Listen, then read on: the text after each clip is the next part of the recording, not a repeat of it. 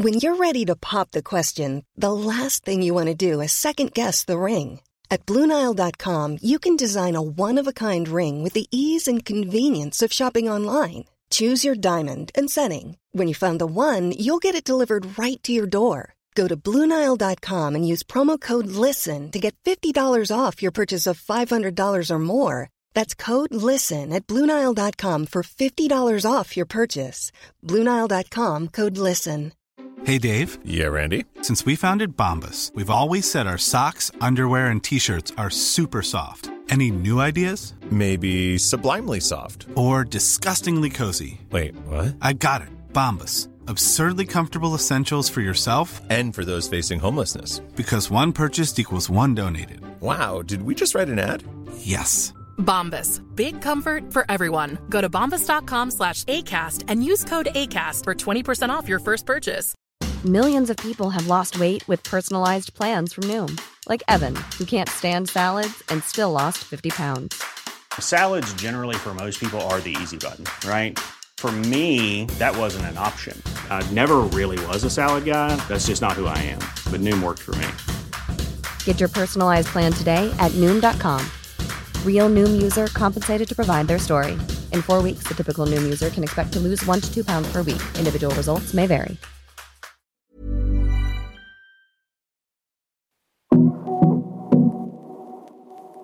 Hej och varmt välkommen till avsnitt 211 i Karriärpodden.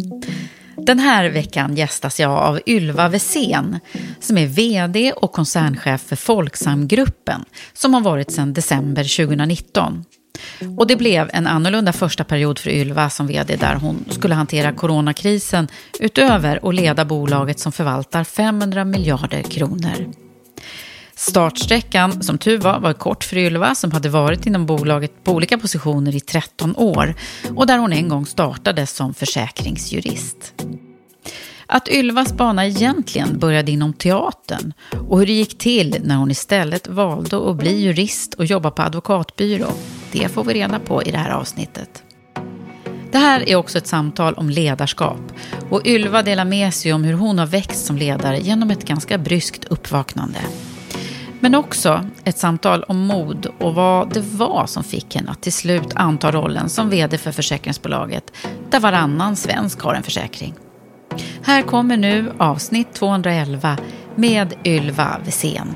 Tack för att du lyssnar. Jag som programleder heter Eva Ekedal.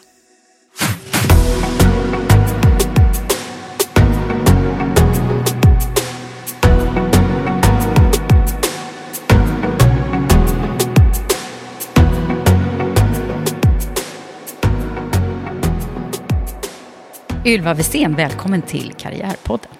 Tack. Det är så roligt att ha dig här. Det är väldigt roligt att få vara här. Mm. Och det regnar ute och hösten är igång. Redan. ja, redan. Men du, jag tänkte så här, att nu när man tittar på ditt CV så inser man ju att du har ju en spännande första period i vd-rollen av många olika anledningar. Eh, men när tillträdde du? Var det 2019 på vintern? Ja, i december 2019.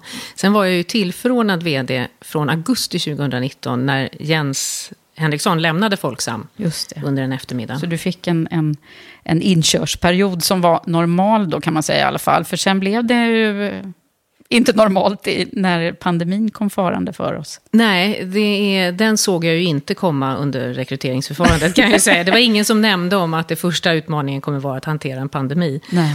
Eh, och den, den kom ju där i februari 2020. Mm. Um, så att det, det är klart att det har varit en anno- annorlunda början på, på ett vd-skap. Samtidigt som eh, det har också varit en, en, en, ska säga, en, en bra början för att det har visat hur otroligt starkt Folksam är som företag. Trots en, jag då som ny vd och, och därmed en ny ledning blir det ju, en, blir ju en ny, ny grupp med, med nya konstellationer. Så, så har ju liksom företaget fungerat bra. Ja. Vi ställde om och eh, har liksom högre kundnöjdhet än tidigare. Det går bra för oss, nyckeltalen pekar uppåt. Och vi har klarat verksamheten, eh, både liksom den operativa verksamheten och mött kunderna under hela perioden och haft en finansiell stabilitet. Så att det är ju... Det är ju väldigt bra Ja. track record under den här väldigt turbulenta perioden i, över, överlag i, i både näringsliv och i livet i stort. Ja, det säger någonting om, om, om styrkan i det företag som, som jag leder. Mm. Och ett gammalt anrikt bolag med eh, väldigt fina förtecken som vi säkert kommer att återkomma till, tror jag. Eh, men den här rekryteringsprocessen var ju spännande ändå att höra lite mer om. Jag vet ju att det var en, en regelrätt. Eh, det var inte bara att du blev intern, så att säga, utan eh, det var på riktigt många kandidater som var framme. Det var absolut en riktig rekryteringsprocess och det var inte givet eh, från min sida att gå in i den från början. Nej. Utan det var ett beslut som, som växte fram. Växte när du var TF då Ja. alltså? Det var det. det. Det gick ju väldigt snabbt när, när Jens Henriksson lämnade. Eh, det var ju 15.30 en onsdag fick jag första heads-up om att Ja. han är nog inte här imorgon utan jag skulle vara beredd att ta över. Jag var ju vice vd för Folksam då. Ja. Och eh, 19.00 gick pressmeddelandet. Så att det var inte många timmar. Men då går man ju också in i liksom mer en krishantering och liksom en executive mood. Att bara man gör och hanterar. Ja, så här lös uppgiften. Precis. Och, och eh, jag var ju vice vd, så att någonstans så fanns det liksom en mental beredskap att det här, i teorin i vart fall, att det här det kan hända. Eh, och, och det var också vad jag var inställd på liksom inledningsvis. Att nu, nu är jag tillförordnad och då förvaltar jag det här. Jag leder ledningsgruppen och, och ser till att, att vi håller stabilitet i företaget. Och sen initierar styrelserna en rekryteringsprocess och rekryterar en ny vd. Och så går jag tillbaka till att bli vice vd och stabschef. Ja, det var så du tänkte alltså? Ja, det var så jag tänkte. Vad spännande. Menar du att du liksom inte förespeglade dig att men kanske jag nu ska? Jag har inte...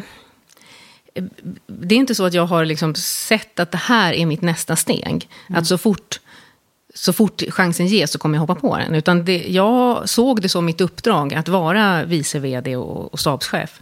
Och det skulle jag vara. Och, och stå för liksom kontinuitet och stabilitet i Folksam.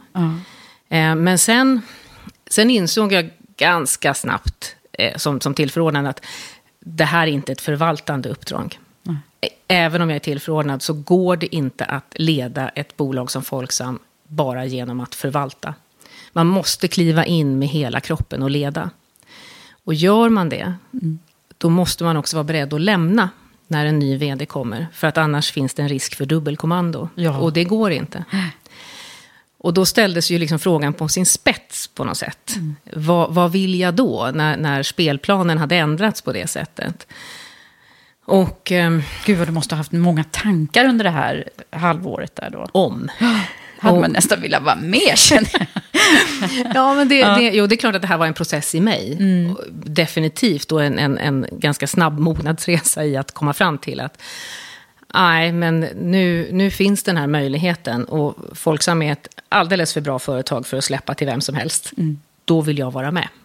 Och du hade ju en, en lång karriär på Folksam, eh, in, på massor med olika roller som vi säkert kommer att nämna här också. Men innan, så det var ju verkligen så här, du var ju verkligen inne i både kulturen och kände alla människor, och, eller ja, i alla fall många, och så redan innan. Och det är klart att rekryterar man, rekryteras man externt ifrån så har man ju inte den fördelen, eller ja, hur man nu ska se på det. Vad tycker du om det? Nej, det, det är klart att det är en fördel att, att du känner organisationen. Men det, det finns ju både fördelar och nackdelar med att vara internt rekryterad vd. Men en fördel är just det du nämner, att, att startsträckan blir mycket kortare. Och jag, eh, som vd, nytillträdd vd så ska man ju hålla 100 dagars talet. Exakt. Ja. Och eh, det gjorde jag efter tio dagar och med, med liksom, ja, rubriken 100 dagar i 10 dagar för mig. Vad häftigt. Ja. Då hade du redan Ja. visionen Ja. klar. Men det var när du hade tillträtt. Ja, precis. Så under det här liksom vakuumperioden där innan, sov du gott på nätterna eller var det liksom, snurrade du runt? Jag, jag sover gott. Ja, Eh, okej. så. Vad skönt. Ja, det, ja, det är det faktiskt. Det är klart att jag var, hade liksom ett adrenalinpåslag. Det är klart att jag var, var liksom... eh, Det var en väldigt obekant situation. Och en, så, men, men samtidigt så trivdes jag. Det var, det var ett spännande tid. det var något kittlande över Ja, detta det var ändå. det. Och, och du, du testar ju dig själv och, och din, din styrka. på riktigt när du utsätts för någonting sånt. Och, och eh, det var, ja, det, den utmaningen, den var rolig. Minns du vad, när du liksom bestämde dig för att jag, jag skulle vilja det här? Ja, eh, inte dagen eller liksom sådär, men, men jag minns eh, tank, hur tankarna gick. Och det var ju att, ja men nu, nu har jag möjligheten. Och om jag inte tar den, då kan jag aldrig framåt prata om jämställdhet med trovärdighet längre. Mm. Om jag som har möjligheten att göra det här, ta mig an det högsta ledaruppdraget i Folksam, säger nej, hur ska jag då kunna uppmuntra andra kvinnor omkring mig? Mm. Och, och, och, våga ta det steget, eller prata jämställdhet. Mm. Så bra. Det var nästan ett brandtal i ja. Women for Leaders, det där hörde jag. ja, nej, men eh, det är sant, alltså, vi kan ju inte backa då. Nej, nej. man kan inte det. Nej. Och det här handlar ju om också att se, liksom, se mina döttrar i ögonen och se mm. mig själv i ögonen. Mm. Mm. Fick du mycket backning och så här hejarop? Så, eller hur gick det till? Um, ja, alltså både och ska jag säga. Jag, jag, kände ju liksom var jag hade stödet, både i ledningsgruppen och i eh, privat och sådär. Eh, givetvis så finns det ju liksom en, en infrastruktur runt omkring mm. mig i form av man och barn. Ja, just det. Tre barn är det. Ja, precis. Men från, från rekryteringskommitténs eh, håll så, så eh, tycker jag nog att de, de behandlade mig med respekt. Men det var ju inte givet att jag skulle bli vd. Mm. Så det var inte dunka, liksom ryggdunkar och, och, och eh, kör på det här. Utan, eh, och jag kände för varje moment i rekryteringsprocessen att huh, oj, det här räckte inte heller. Nu måste jag liksom höja mig ytterligare en nivå. Mm. Eh, så att det var en, en, eh, en lärorik period. Och jag är väldigt glad över att det var en ordentlig rekryteringsprocess som, som slutade med en pitch. Gjorde var, det? Ja, ah. för, för var, vi var tre kandidater på slutet. Det var jag mm. och två externa, vilka jag inte vet vilka det är. Nej. Eh, även om jag gärna skulle vilja veta det. jag med. Jag är nyfiken. Ja. Eh, så, så fick vi pitcha om vad, vad vi skulle vilja med, med Folksam framåt. Och det där har jag ju haft en otrolig nytta av, att faktiskt få gå tillbaka och, och liksom tänka igenom de tankarna. Mm. Mm. Och där kan man ju tänka att du ändå hade, du hade ju en massa insikter ändå om, om bolaget. Om, mm. Så är det. Mm. Eh, men eh, du är den första kvinnan i Folksams historia på vd-posten. Så är det. Det. det är fantastiskt. Ja, det är, det är ett fint uppdrag och det är ett fint företag. Mm. Verkligen. Som eh, väldigt många svenskar är bekanta med. Vi försäkrar vartannat hushåll i Sverige. Så att mm. vi, det är så, vartannat? Ja, vartannat hushåll. Tre miljoner människor har sitt långsiktiga sparande hos oss. Mm. Så att det här är ju ett, ett uppdrag som berör många människor i Sverige. Mm. Och vi ser ju oss som, som en samhällsaktör. För att det vi gör, de villkor vi har mm. i våra försäkringsvillkor, det, den avkastning vi genererar till, till sparare, det påverkar det svenska samhället. Mm. Eh, och det har Ni påverkar ju ganska mycket. Jag tänker på också ert liksom, aktiva förvaltande i, i, andra bolag och jämställdhets och hållbarhetstänket som ni driver där. Mm. Jag tror att vi kommer komma tillbaka till det. För att jag börjar redan gå igång här känner jag i samtalet med dig. Vi måste ju få reda på, det var ju skådespelerska från början. Stämmer det eller? Ja. Jag har forskat lite här och hittar en sån grej. Ja, jag eh, spelade teater i unga år och ja. Eh, gick eh, teaterlinjen på Södra Latin mm. i gymnasiet. Och var, liksom, hade siktet inställt på... Du skulle bli det? Alltså. Ja, jag skulle bli skådespelerska. Eh, Vadan denna? Var det liksom en dröm? Ja, det var en dröm. var det. Och jag tyckte det var vansinnigt roligt. Ja. Det var verkligen det jag brann för. Eh, men sen... Då tänker man ju genast, har du användning av det här idag? Ja, ja. det har jag. Och det såg jag inte riktigt komma. Nej. Eh, för att jag svängde ju om och blev jurist. Då. Ja, ja. det är så otroligt. Det här måste vara karriärpoddens en av de mest spännande, liksom, skådespelare, jurist och nu vd för Folksam. Ja, ja jag, jag, kände ju att, att när, när, när det väl började liksom bli allvar, eh, och jag var runt 20-årsåldern då, och, och eh, antingen satsar man på, på skådespelare eller så gör man det inte. Och då stod det och vägde mellan det, och då, då kände jag att jag är egentligen inte beredd att lägga ner all den tid och kraft som, det, som krävs för att vara kulturarbetare, när det inte finns några villkor i att du får ett drägligt liv. Nej. Det är verkligen, de har inga, inga garantier för något. Nej, inga. Och du, du kommer alltid liksom att jobba, du får, måste jobba hela tiden. Det Mm. behöver du för sig som ung jurist också, men, men på, det är andra villkor. Mm. Du har en, har en trygghet på ett helt annat sätt. Och jag var inte beredd att eh, ta den risken. Nej. Att gå in på, på skådespelarbanan på riktigt. Men var du bra på att spela teater? Nej, alltså hade talangen räckt så hade jag ju kanske värderat om på ett annat sätt. Men, men eh, det var nog bra att jag Men hade du några roller, liksom, jobb, jobbade som det eller hur?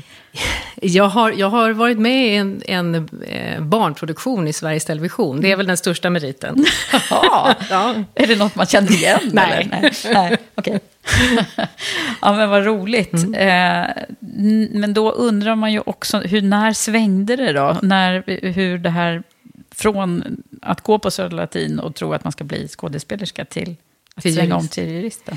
Ja, det, det är en ganska speciell händelse i, i mitt liv som jag minns väldigt tydligt om när jag bestämde mig för att bli jurist.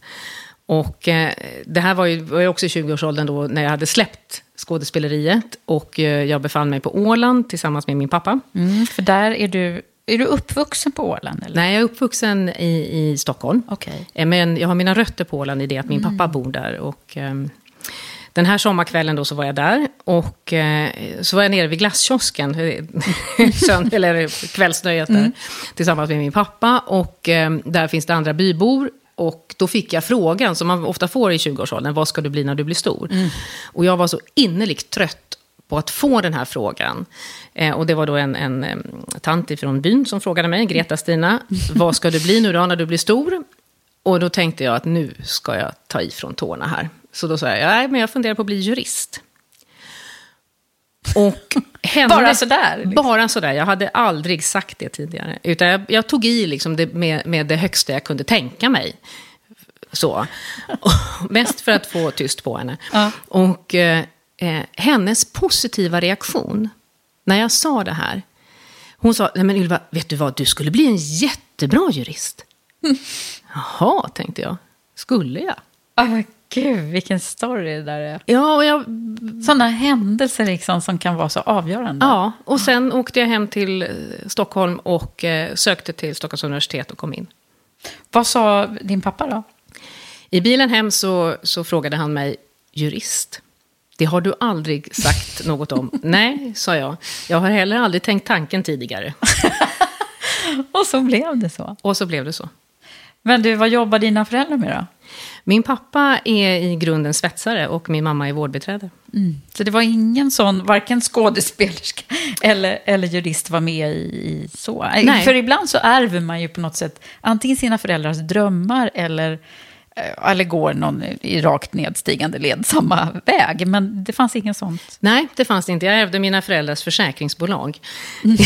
De har alltid haft sina försäkringar i Folksam. Ja. Så jag är uppvuxen med Folksam. Ja, det var Eh, något där. Något där, ja, precis. Men nej, det, det var det inte. Eh, Men eh, däremot så har, har jag alltid blivit uppmuntrad hemifrån av att, att studera vidare. Eh, min pappa hade ju inte den möjligheten. Han är ju född 31 och blir alltså 90 år i år.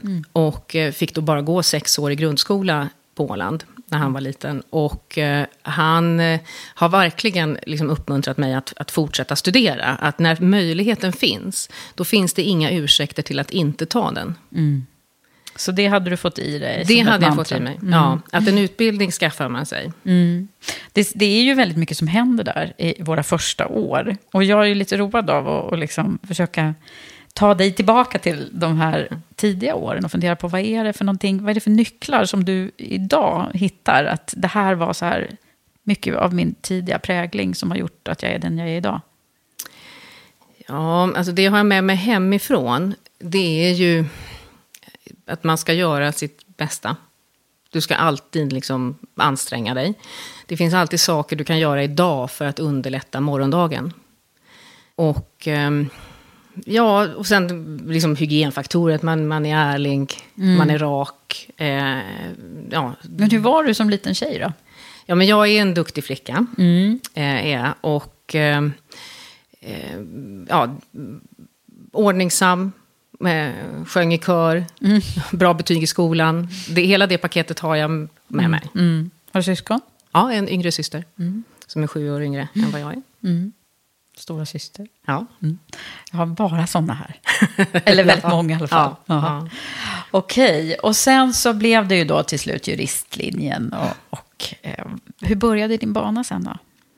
Eh, när jag var utexaminerad, då satt jag ting i Skövde. Skövde tingsrätt. Och sen så började jag på advokatbyrå efter det. Eh, och där var jag i, i sju år, så att jag blev advokat innan jag eh, Ja. gick vidare till Folksam. Och när du tänker på de där åren då, vad, vad hittar du för nycklar där? Ja, men det är klart att det var... Jag byggde mycket självförtroende där eh, och mycket kunskap. Jag fick ju finnas i sammanhang som jag aldrig har varit i tidigare. Eh, och eh, där prestation ger liksom bekräftelse. Är du duktig så, så får du genomslag. Och det där... Och fakturerade timmar är ja, också... Ja, absolut. Fakturerade timmar är definitivt av, av vikt på en, på en advokatbyrå. Men också att du får bekräftelse för din kompetens eh, och kunskap. Eh, sen ska du, ska du fortsätta inom advokatbranschen, ja men då är, då är ju fakturerade timmar helt avgörande. Mm, för och att man ska kunna bli nätverk. partner. Ja, precis. Och nätverk och sådär. Och där, där hade väl inte jag liksom, de Nej. förutsättningarna. Men eh, eh, hade du kunnat liksom fortsätta i den eran? Eller var det så att du sökte dig till, som bolagsjurist av någon anledning? jag hade, eh, jag hade nog kunnat fortsätta på byrån, eh, alltså hade möjlighet till det. Eh, men för mig så, så passar det bättre att vara på bolag. Jag, eh, jag tycker om att jobba, jag har alltid tyckt om att jobba och jag jobbar mycket och sådär. Men det, min, min tid, min nedlagda tid på, på jobbet, där vill jag att det ska gå till produktion. Liksom att, jag ska, att jag ska jobba. Att vara ute och nätverka och så, det är inte mitt största intresse. Och du behöver ha det intresset i ganska tidiga år för att, att klara en, en karriär inom Ja, advokatbranschen. ja, för att skaffa sig klienter. Ja, det är det. Ja, ja, det är ju det är en speciell värld och kultur. Jag har, Ja. jag har fått snegla lite på den utifrån förstås. Och, och, det är ju inte en jämställd värld ännu. De fightas ju en hel del med det. Ja, de har utmaningar i det om man tittar på hur många kvinnor som läser på juristlinjen och som tar examen med goda betyg. Och hur många som sen finns, partners, ja. blir Mm. partners. Ja. Ja, nej, men den där ekvationen har de inte fått att gå ihop Nej. ännu. Eh, spännande att se hur det kommer att gå framöver för dem. Mm. Men eh, låt oss ta oss in i din karriär på Folksam här nu då. Hur gick det till när, när du blev ledare? Ja, jag är i grund och botten en, en liksom klassisk chefsutnämning. Med, där jag använder ordet chef, väl medveten Ja. om det. Eh, jag var duktig specialist. Jag började där som, som försäkringsjurist och blev, sen blev jag bolagsjurist. Och eh, eh, ja, då tog man en duktig specialist och så sa att du borde bli chef. Och det tyckte jag också. Ja, det låter bra. Ja, det låter bra. Eh, och då fick jag möjligheten att bli, bli compliance-chef på Folksam. Och det lät jättespännande. Så det, det hoppade jag på. Och jag förstod inte vad det innebar att vara ledare. Nej, Eh, berätta. vad, vad var det som hände? Nej, men det var egentligen först... Jag fick ju gå en ledarskapsutbildning då. Eh, min första. Och redan där vid första tillfället så, eh, så förstod jag att det här handlar ju inte om att lösa sakfrågan. Att vara chef handlar om att leda människor. Och det var en aha-upplevelse för mig. Jag var, fick liksom tänka till där, är det här någonting som jag vill fortsätta med? Eh, Eller, ja, eller ska jag vara specialist? För att specialist, det var jag ju bra på. Och, eh, men där kände jag ändå att... Ja, men, jag, hur, men hur, hur, gick det, hur fick du den här aha-upplevelsen? ja, men det var på, på den här ledarskapsutbildningen. Ja, vad hände då? då? Ja, de pratade om hur det var att leda människor. och, jag tänkte att jaha, är det, det är alltså det det handlar om? Och då funderade jag på, ja, men är, vill jag det här? Och så, så eh, ja, konstaterade jag, men jag är ändå tillräckligt nyfiken för att, att jag skulle vilja utforska, hur, vad, vad är det egentligen att vara ledare? Men jag, jag gick den här utbildningen, men, men poletten trillade inte ner. Utan det var först när jag fick möjligheten att gå en, en eh, djupare ledarskapsutbildning. Också inom Folksams regi. Ah, det var okej. 2016. Då trillade poletten ner. Så då hade det successivt. Ja. Men de här första åren som chef då. Ja. Eh, hur tror du man uppfattade dig då? Ja, inte så bra, skulle jag säga. Nej. Det, jag hankade mig fram, men jag förstod inte riktigt. Jag hade inte nycklarna, jag hade inte verktygen. Eh, utan jag eh, ledde på där bäst jag kunde, men det gick ju sådär.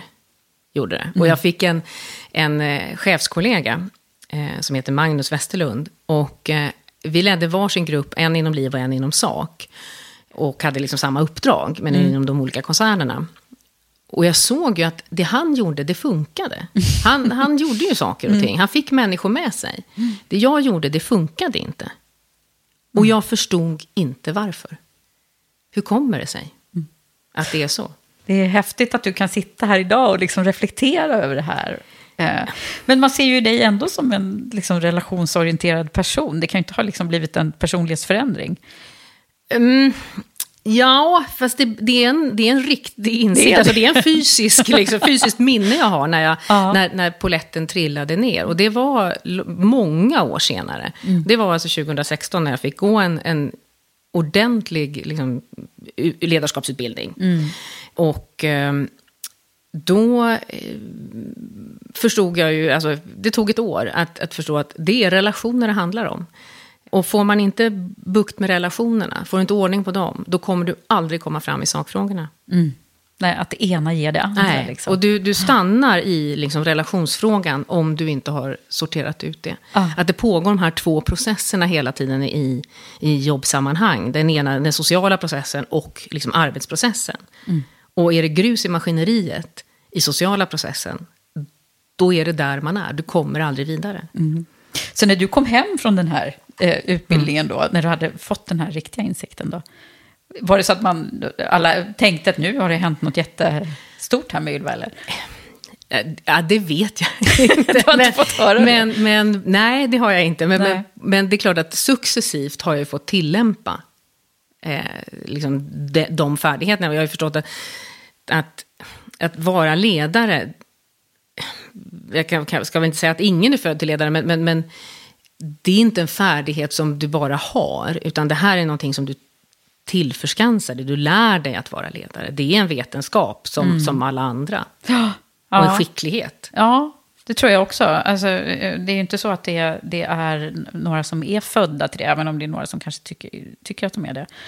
Eh, Men det, det har ju sagts om dig då, när du tillträdde, att du är, eh, det var Lars Eriksson, styrelseordförande för Folksam som sa, jag har läst mig till det, eh, tydlig, doer och lagspelare. Mm. Laget är viktigt.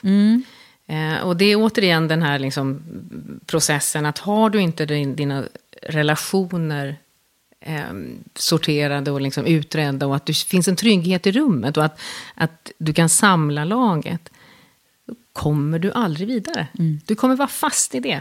Och få lägga liksom, ja, du, du, kom, du måste hantera det först. Så att, att det här lagbygget, att det är viktigt, det är, det är min fulla och fasta tro på. Och det var också en av de sakerna som, som jag sa när jag tillträdde som, som vd för Folksam, att jag, jag ska bygga ett lag av koncernledningen. Det är vad vi ska göra.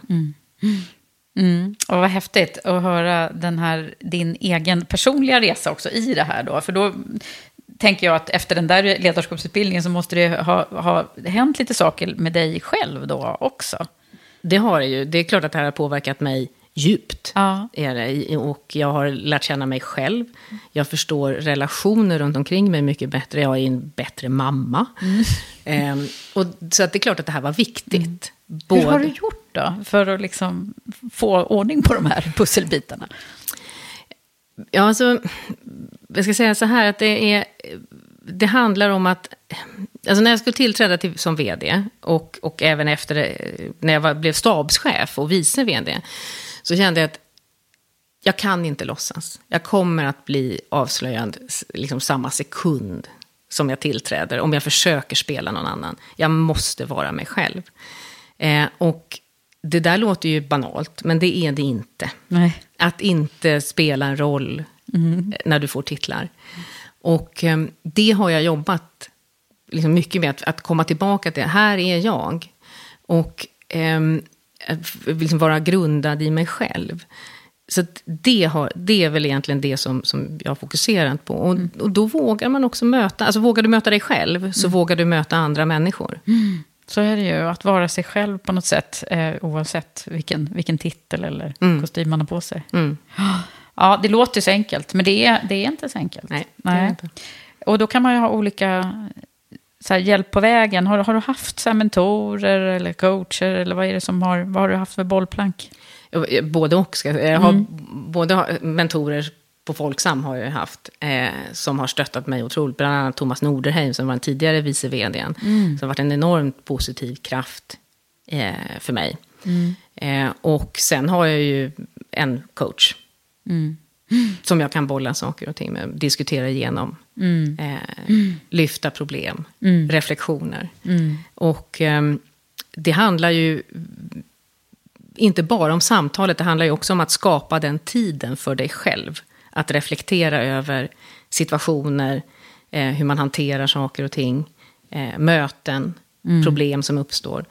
Att, att ta den tiden hur, och hur viktigt det är. Ja, verkligen. Mm. Och det har ju, eh, inte minst den här senaste, alltså både att du tillträdde som vd och det har varit den här svåra perioden att leda nu, som vi pratar ju mycket om ledarskap på ett annat sätt Mm. under den här digitala, eh, när vi inte fick träffas ens en gång under den här perioden. Nej. Då kan jag tänka mig att det var ännu mer träning kring hur man ska möta människor och så. Ja, och eh, det är ju, det är ju svårare digitalt. Onekligen. Eh, och det är svårare att se hur människor mår. Det är svårare att få en inkludering i samtalet. Det är svårare att få eh, ja, men engagemang när du är digitalt. Vad, som har, vad vi har sett har blivit bättre, det är att vi är rakare i språket.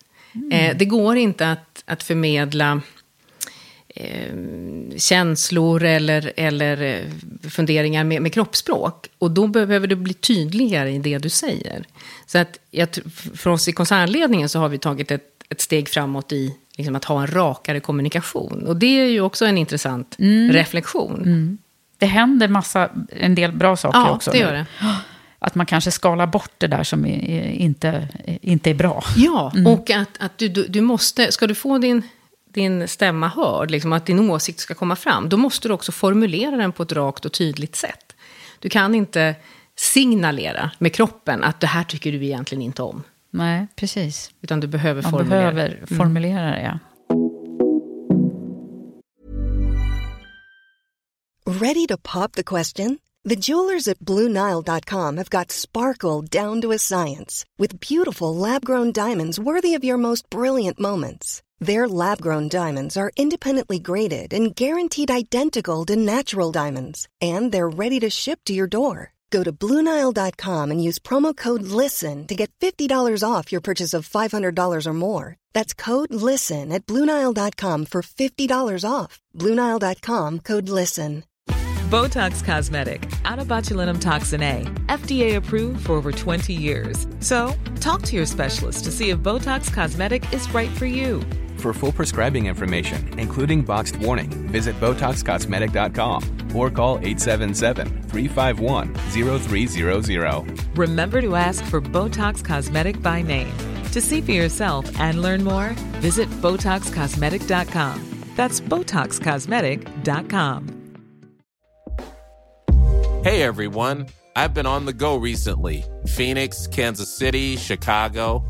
If you're like me and have a home but aren't always at home, you have an Airbnb. Hosting your home or a spare room is a very practical side hustle. If you live in a big game town, you can Airbnb your place for fans to stay in. Your home might be worth more than you think. Find out how much at airbnb.com/slash host. Introducing Wondersuite from Bluehost.com. Website creation is hard, but now with Bluehost, you can answer a few simple questions about your business and get a unique WordPress website or store right away. From there, you can customize your design, colors, and content. And Bluehost automatically helps you get found in search engines like Google and Bing. From step-by-step guidance to suggested plugins, Bluehost makes WordPress wonderful for everyone. Go to bluehost.com/wondersuite. Millions of people have lost weight with personalized plans from Noom, Like Evan, who can't stand salads and still lost 50 pounds. Salads, generally, for most people, are the easy button, right? For me, that wasn't an option. I never really was a salad guy. That's just not who I am. But Noom worked for me. Get your personalized plan today at Noom.com. Real Noom user compensated to provide their story. In four weeks, the typical Noom user can expect to lose one to two pounds per week. Individual results may vary.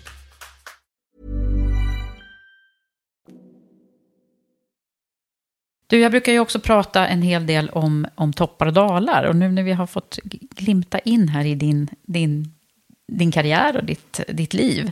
Vad är det för, för... Ska vi börja med topparna då? Oj. Eller toppen? Eller? ja.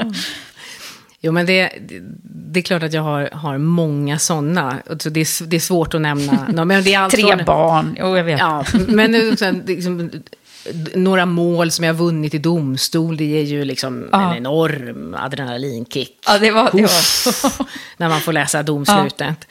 Eh, och, eh, och sen också när man, de gånger som, som jag lyckats som ledare, då, det ger ju också en enorm stolthet och Mm. glädje. När man känner att fasen, hörni, vi rör oss framåt. Det här har vi åstadkommit. Och det finns en, liksom, när man ser energin börja bubbla runt. Eh, det, är, ja, det är häftigt. Det är det. Och det har du fått känna nu då också? Ja, det har jag fått känna nu. Mm. Mm. Jaha, och de här svåra stunderna då? Jo, men de är också många. Eh, jag var, var eh, inne på en då när, när jag hade den här chefskollegan som jag var, är väldigt, eller var väldigt bra chefskollega med. Så han jobbar inte kvar på Folksam då. Magnus då. Och jag såg liksom hur han, han, han brinner för ledarskap, tycker det här är, det är intressant. Han, hade, han kunde det här med ledarskap. Jag kunde det inte. Det var tufft, var det. Eh, och, eh, Att inse det då? Du som var liksom en duktig flicka. Ja, och, precis. Mm. Och att då, då handlar det inte om... Liksom, jag måste göra någonting mer. Jag måste liksom förskansa mig den här kunskapen om Mm. hur det är att leda. Och eh, det var ju brutalt vissa gånger när jag kände att jag fick inte gruppen med mig. Mm. Vi skulle framåt och eh, det, du vet när man ger order och det liksom, det blir inte bra. De, de, följer, de gör, men det är inte med glädje. Och är, man har inte den där omsorgen om att det ska bli bra. Om du är beordrad att göra någonting. Nej. Men jag hade Så det in- var liksom en smärtsam insikt som ändå då blev väldigt Som- omvälvande och bra då. Och som jag har nytta av idag. Mm, precis, för har man aldrig känt det där så, Nej. så har man ju ingen möjlighet att göra någonting åt det. heller. Nej. Nej. Finns det andra stunder som, som har varit dalar? Jo, men det, det är klart att det finns det. Och det är eh, framförallt när man eh, tvivlar på sig själv. När man, när, jag menar, jag har ju tagit steg nu till att, att bli vd. Jag leder alltså en ledningsgrupp som jag själv var en del av sen tidigare. Det är ju utmanande i sig. Att hitta nya roller och de ska förhålla sig till mig, jag ska förhålla mig till dem. Och, och också där att känna att man, man ska nå fram. Så att det är klart att det, det är utmaningar. Men det vill väl du ha, tänker jag. Absolut. Det låter så. Det låter så. Ja. Du, och sen har vi varit inne på det här med, med eh, jämställdhet. Och det vet jag ju att det är en av de faktorerna som ni är väldigt aktiva och driver på Folksam. Mm. Hur gör ni? Det här är ju någonting som vi har jobbat med länge. Eh, jag tror att de flesta kanske minns den här reklamkampanjen som vi hade tidigare som heter Döp henne till Göran. När Göran var, Mm. Just det. var det främsta Det var namnet det. inom näringslivet. Ja, precis. Sen var det ju Anders. Ja. Eller det är väl det nu, Ja. tror jag. Så, att det, så att det här är någonting som vi har jobbat med i decennier. Och det är ju liksom en, en, en tro på att det blir bättre. Det blir bättre resultat. Om vi, man är jämställda. Eh, och eh, det går inte att göra på något annat sätt än att du sätter upp konkreta mål. Och de är 50 procent. Mm. Det är så, ja. Ja. Ni kör på 50. Ja, vi kör på 50. Sen har, finns det ju naturligtvis en toleransnivå i det där. Men vi har helt, helt jämställda styrelser. Hälften kvinnor, hälften män. Vi har en jämställd ledningsgrupp. Och vi har jämställt på chefsnivå. Mm. Och det, dit hade vi inte nått. När Om bestämde ni er för de här målen? Oh, det vågar jag inte Nej, svara på. nej. Det är långt före min tid. Så Ja. att jag sitter här nu och skördar frukterna av... Ja, av det som Ja, andra har bidragit med. Precis.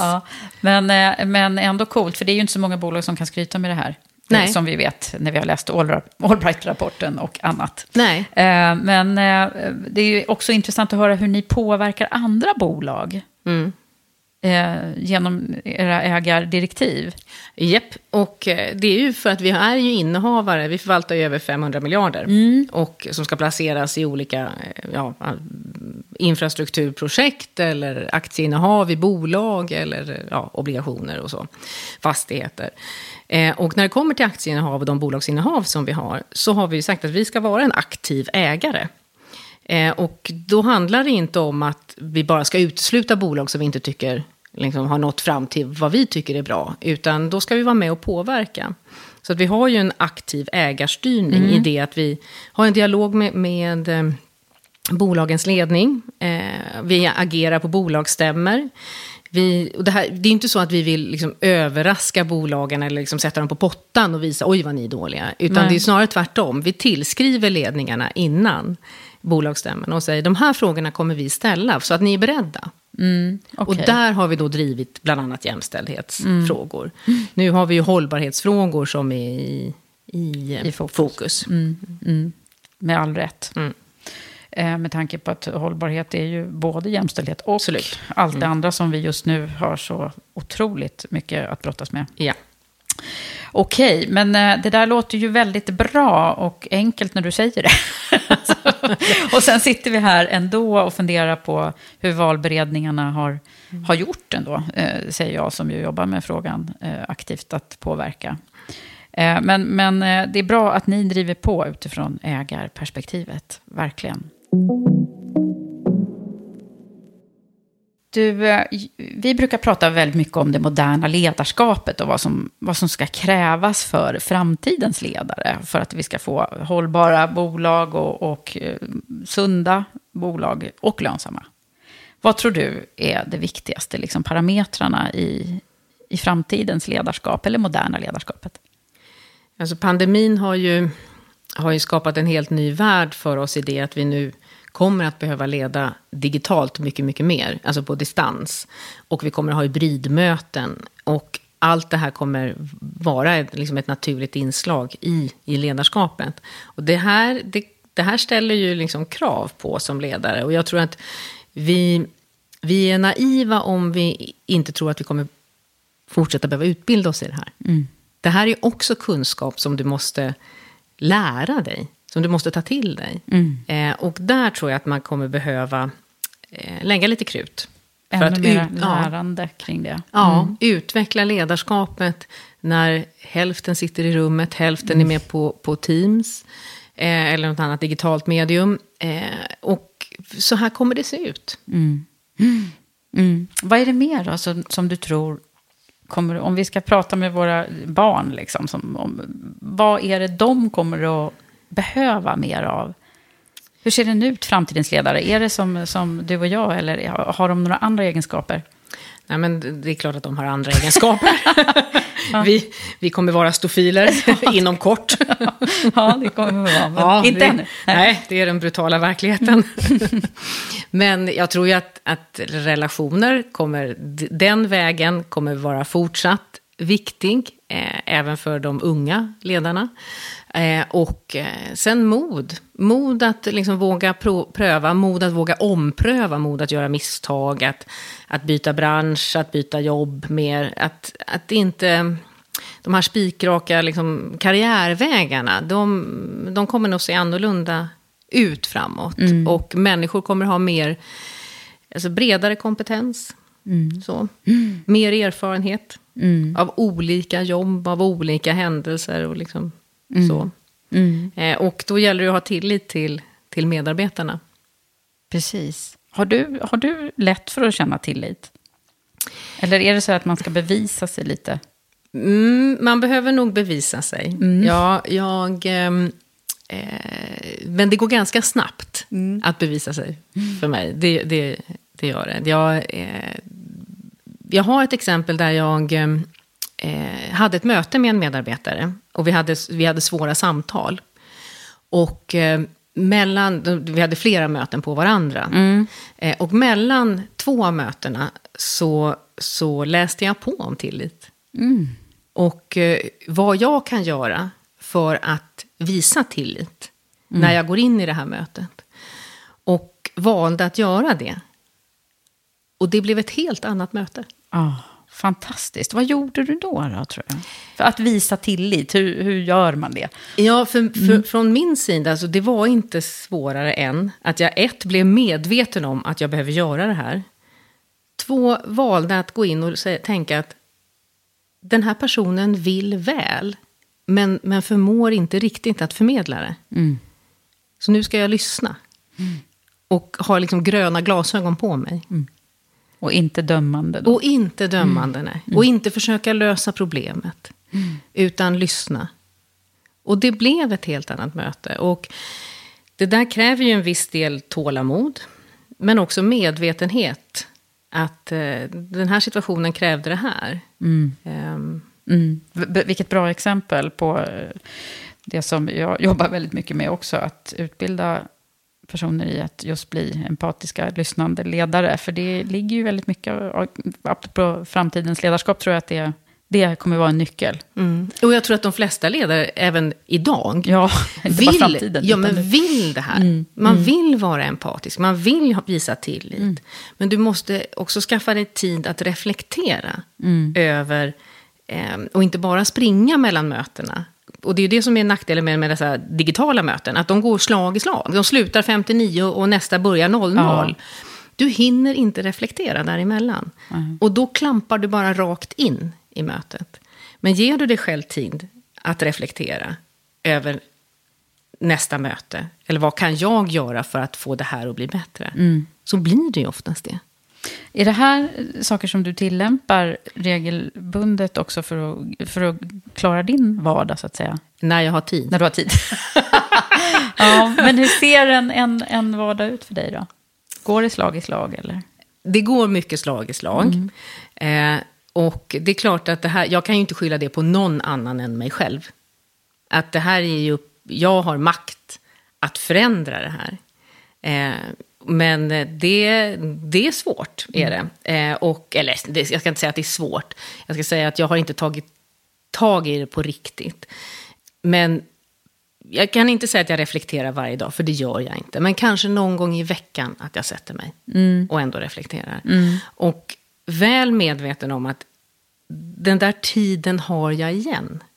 Det blir effektivare när jag tillåter mig att reflektera. Jag vet en av mina eh, deltagare i, Women for Leaders, vårt ledarprogram, hon, hon pratade om att zooma ut. Jag tycker det är så bra så här. Ibland Ja. måste man bara zooma ut. Ja. Eh, för, att, för att klara och, och, och se, Ja. se klart helt enkelt. Men du, eh, eh, under det här senaste året när du har, har haft det yttersta ansvaret, vad har varit, vad har varit det svåraste? Det har ju varit ett, ett pandemiår. Eh, så jag tycker att det har varit att, eh, att känna in hur företaget mår, alltså hur människorna mår, hur medarbetarna mår. Att leda på distans, det är utmanande. Är det. Eh, Du kan inte liksom gå runt, du får inte den här eh, känslan för hur det egentligen är. Och att, att då skapa engagemang eh, i, när, när medarbetare sitter på distans. Det görs inte av sig självt. Nej, precis. Och det var tänkt förstås att du skulle göra ännu mer, så här, vara ute Ja. i organisationen när du tillträdde. Ja, det är det. Ja, ja. Och man kommer till viss del, så du kommer en bit, men jag har svårt att se att man kommer hela vägen på distans. Vad, eh, vi, jag har ett ämne som eh, jag brukar prata om som heter emotioner. Det tycker jag är så spännande. Eh, och då ingår ju förstås vad, vad som är utmärkande för dig vad gäller både när du är glad och eh, arg och ledsen och alla de här sakerna. Vad, är, är du en sån som man liksom ser på dig? Vad, idag är Ylva glad eller, eller har du liksom en... Ja, det är nog så. det, ja, det går att läsa dig alltså? Ja, jag tror att det går mm. att läsa mig ganska bra. Ja. Eh, så jag är inte riktigt duktig på att, att hålla masken. Framförallt så eh, är jag lite för snabb ibland på mina reaktioner. Mm. Eh, om jag får någonting, eh, ja, men, exempelvis ett utkast på en rapport eller någonting sånt, eh, som jag känner att oj, den här var inte riktigt vad jag hade tänkt mig. Mm. Då kommer det ju liksom ett samtal från mig ganska snabbt. Ganska snabbt. mm. så. Mm. mm. Eller att jag kallar till möte dagen efter eller någonting sånt. Så att, och då, då, mm, så att ja, jag är ganska så. direkt. Direkt, ja. Mm. ja det är. Mm. Och är, är det liksom ofta som, eh, som man ser dig eh, skratta i korridorerna? Ja, jag har lätt till skratt. Mm. Det har jag. Mm. Och ilska då? Jag har lätt till ilska också, men där försök, försöker jag behärska mig. Ja, ja. ja okej. Okay. Vad, vad, får dig att bli riktigt engagerad då? Gå igång sådär? Um, ja, men det, det finns jag ska säga, två typer av engagemang. Det ena är liksom irritation och frustration och det andra är när det, wow, nu händer det. Hörni, vi mm. är på väg. Och um, om jag tar det positiva först då, så, så till exempel så gjorde vi ett arbete med ledningsgruppen, alltså koncernledningen nu här under våren. Och det var rätt kämpigt i att göra det här på distans och försöka workshoppa digitalt och ah, puff, mm. Men vi nådde i mål. Mm. Och sen stod hela koncernledningen och presenterade det här i eh, slutet av juni. Och det var häftigt. Mm. Var det. Då kände Då. jag, wow, mm. hörni, nu. och det kan kännas lite torftigt att vi står och gör det här digitalt. Men underskatta inte kraften i det här. Att vi, det här är ett arbete som vi har gjort tillsammans och vi presenterar det tillsammans. Mm. Det får mig engagerad. För då mm. känner jag, nu, nu är vi på gång. På samma sätt så kan jag bli engagerad när jag känner att saker och ting har kört i diket eller håller på att köra i diket. Ja. Så, ja. då vill jag liksom ta tag i sådana saker. Mm. Så det är också en form av att visa tydlighet i det här? Ja, och att, att uh, rädda upp. Mm. Mm. När var du senast ledsen? Hmm. Kanske aldrig är det? Jo då, det, jag är ledsen, men... men det, jag har haft en bra sommar. det måste ha varit det. Jo, ja. men... Ja, fast jag, jag, är nog, jag är väldigt sällan sådär riktigt, riktigt ledsen, utan jag är snarare mm. lite, lite mikrosorgsen. Ja. Nej, men sådär att jag liksom, oh, ja. det där, så där vill jag inte, och oh, vad det där inte gick bra, eller varför förstår de mig inte? Mm. Så, så att det är snarare de, och det, jag har inte någon någon tydlighet där. Nej, liksom så. Nej. nej. Är du rädd för något? Eh, om. ja. Jo, men det, det, är klart jag är det. Nya situationer. Så... Är du det? Du var, inte, nej, du var i alla fall inte orolig när du kom hit. Nej, men jag, nej. Kan, jag kan, rädd är väl kanske att ta i. Mm. Men det är inte så att jag liksom promenerar helt oberörd i nya situationer. Det gör jag, utan det, det kräver sin insats. Mm. Jag vill vara förberedd och jag vill eh, veta vad som, som förväntas och så. Mm. Eh, men rädd, nej, det, ja, det är om jag skulle nog ge mig upp på höga höjder. Då skulle jag bli rädd. Mm. Men det här eh, uppdraget nu att också rapportera till styrelsen och, och hela, hela det ansvaret. Mm. Det är ingenting som du räds för? Nej, det är det inte. Dels för att jag har jag kände ju styrelserna till viss del innan jag blev vd. Eh, mm. Eftersom jag varit eh, sekreterare i styrelsen och, och vice vd så har jag alltid varit med på styrelsemötena sedan 2016. Mm. Det, det gav ju en trygghet mm. i det. Och sen är jag inte rädd för att rapportera. Och då både de sakerna som inte går bra och de som går bra. det är jag faktiskt inte. Mm. Härligt att höra. Och det var ju så att eh, jag frågade dig innan vi satte oss ner här eh, och satte på mikrofonerna vad du skulle vilja att det här avsnittet, eh, ja, vad man ska känna när man lyssnar på det. Och då sa du mod. Ja, Eh, och det är väl det som jag känner att jag kan, som, jag, som jag möjligtvis skulle kunna liksom inspirera till, inspirera andra unga tjejer. Mm. Att kan jag så kan ni. Mm. Eh, och det handlar oftast om, om mod, att våga ta det där steget som du kanske inte alls har tänkt dig att du ska ta. Men, men att tillfälle ges, så, så gör det. Mm. Eh, och då, det, det handlar om, om mod och det är superläskigt. Tro mig. jag vet, jag har varit där. Eh, men men det, man växer med uppgiften och, och det är värt det. Ja. Ja. Nej, nej, Du har ju testat verkligen, eh, och, och längs resans gång. Men det, det var ett stort mod att ta den här rollen. Alltså. Ja, det var det. det var det. Det var inte ett beslut som jag tog över en natt, utan det här fick, fick liksom växa fram och mogna fram. Eh, och sen fick jag ändå ta ett djupt andetag och säga, Ho, jag är intresserad av att gå in i processen. Ja, superroligt. Nu eh, slutar vi nästan där vi började, nämligen hur det gick till när du, när du tillträdde här.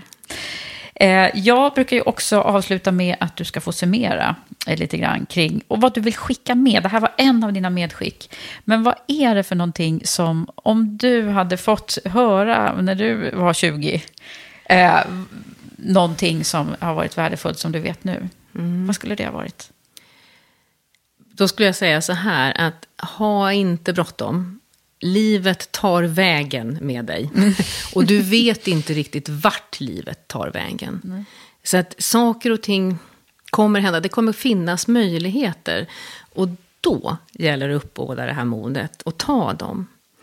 Eh, men jag, jag, eh, jag skulle vilja ha sagt till mig själv att liksom var inte stressad. Och, och, och tåget kommer inte gå.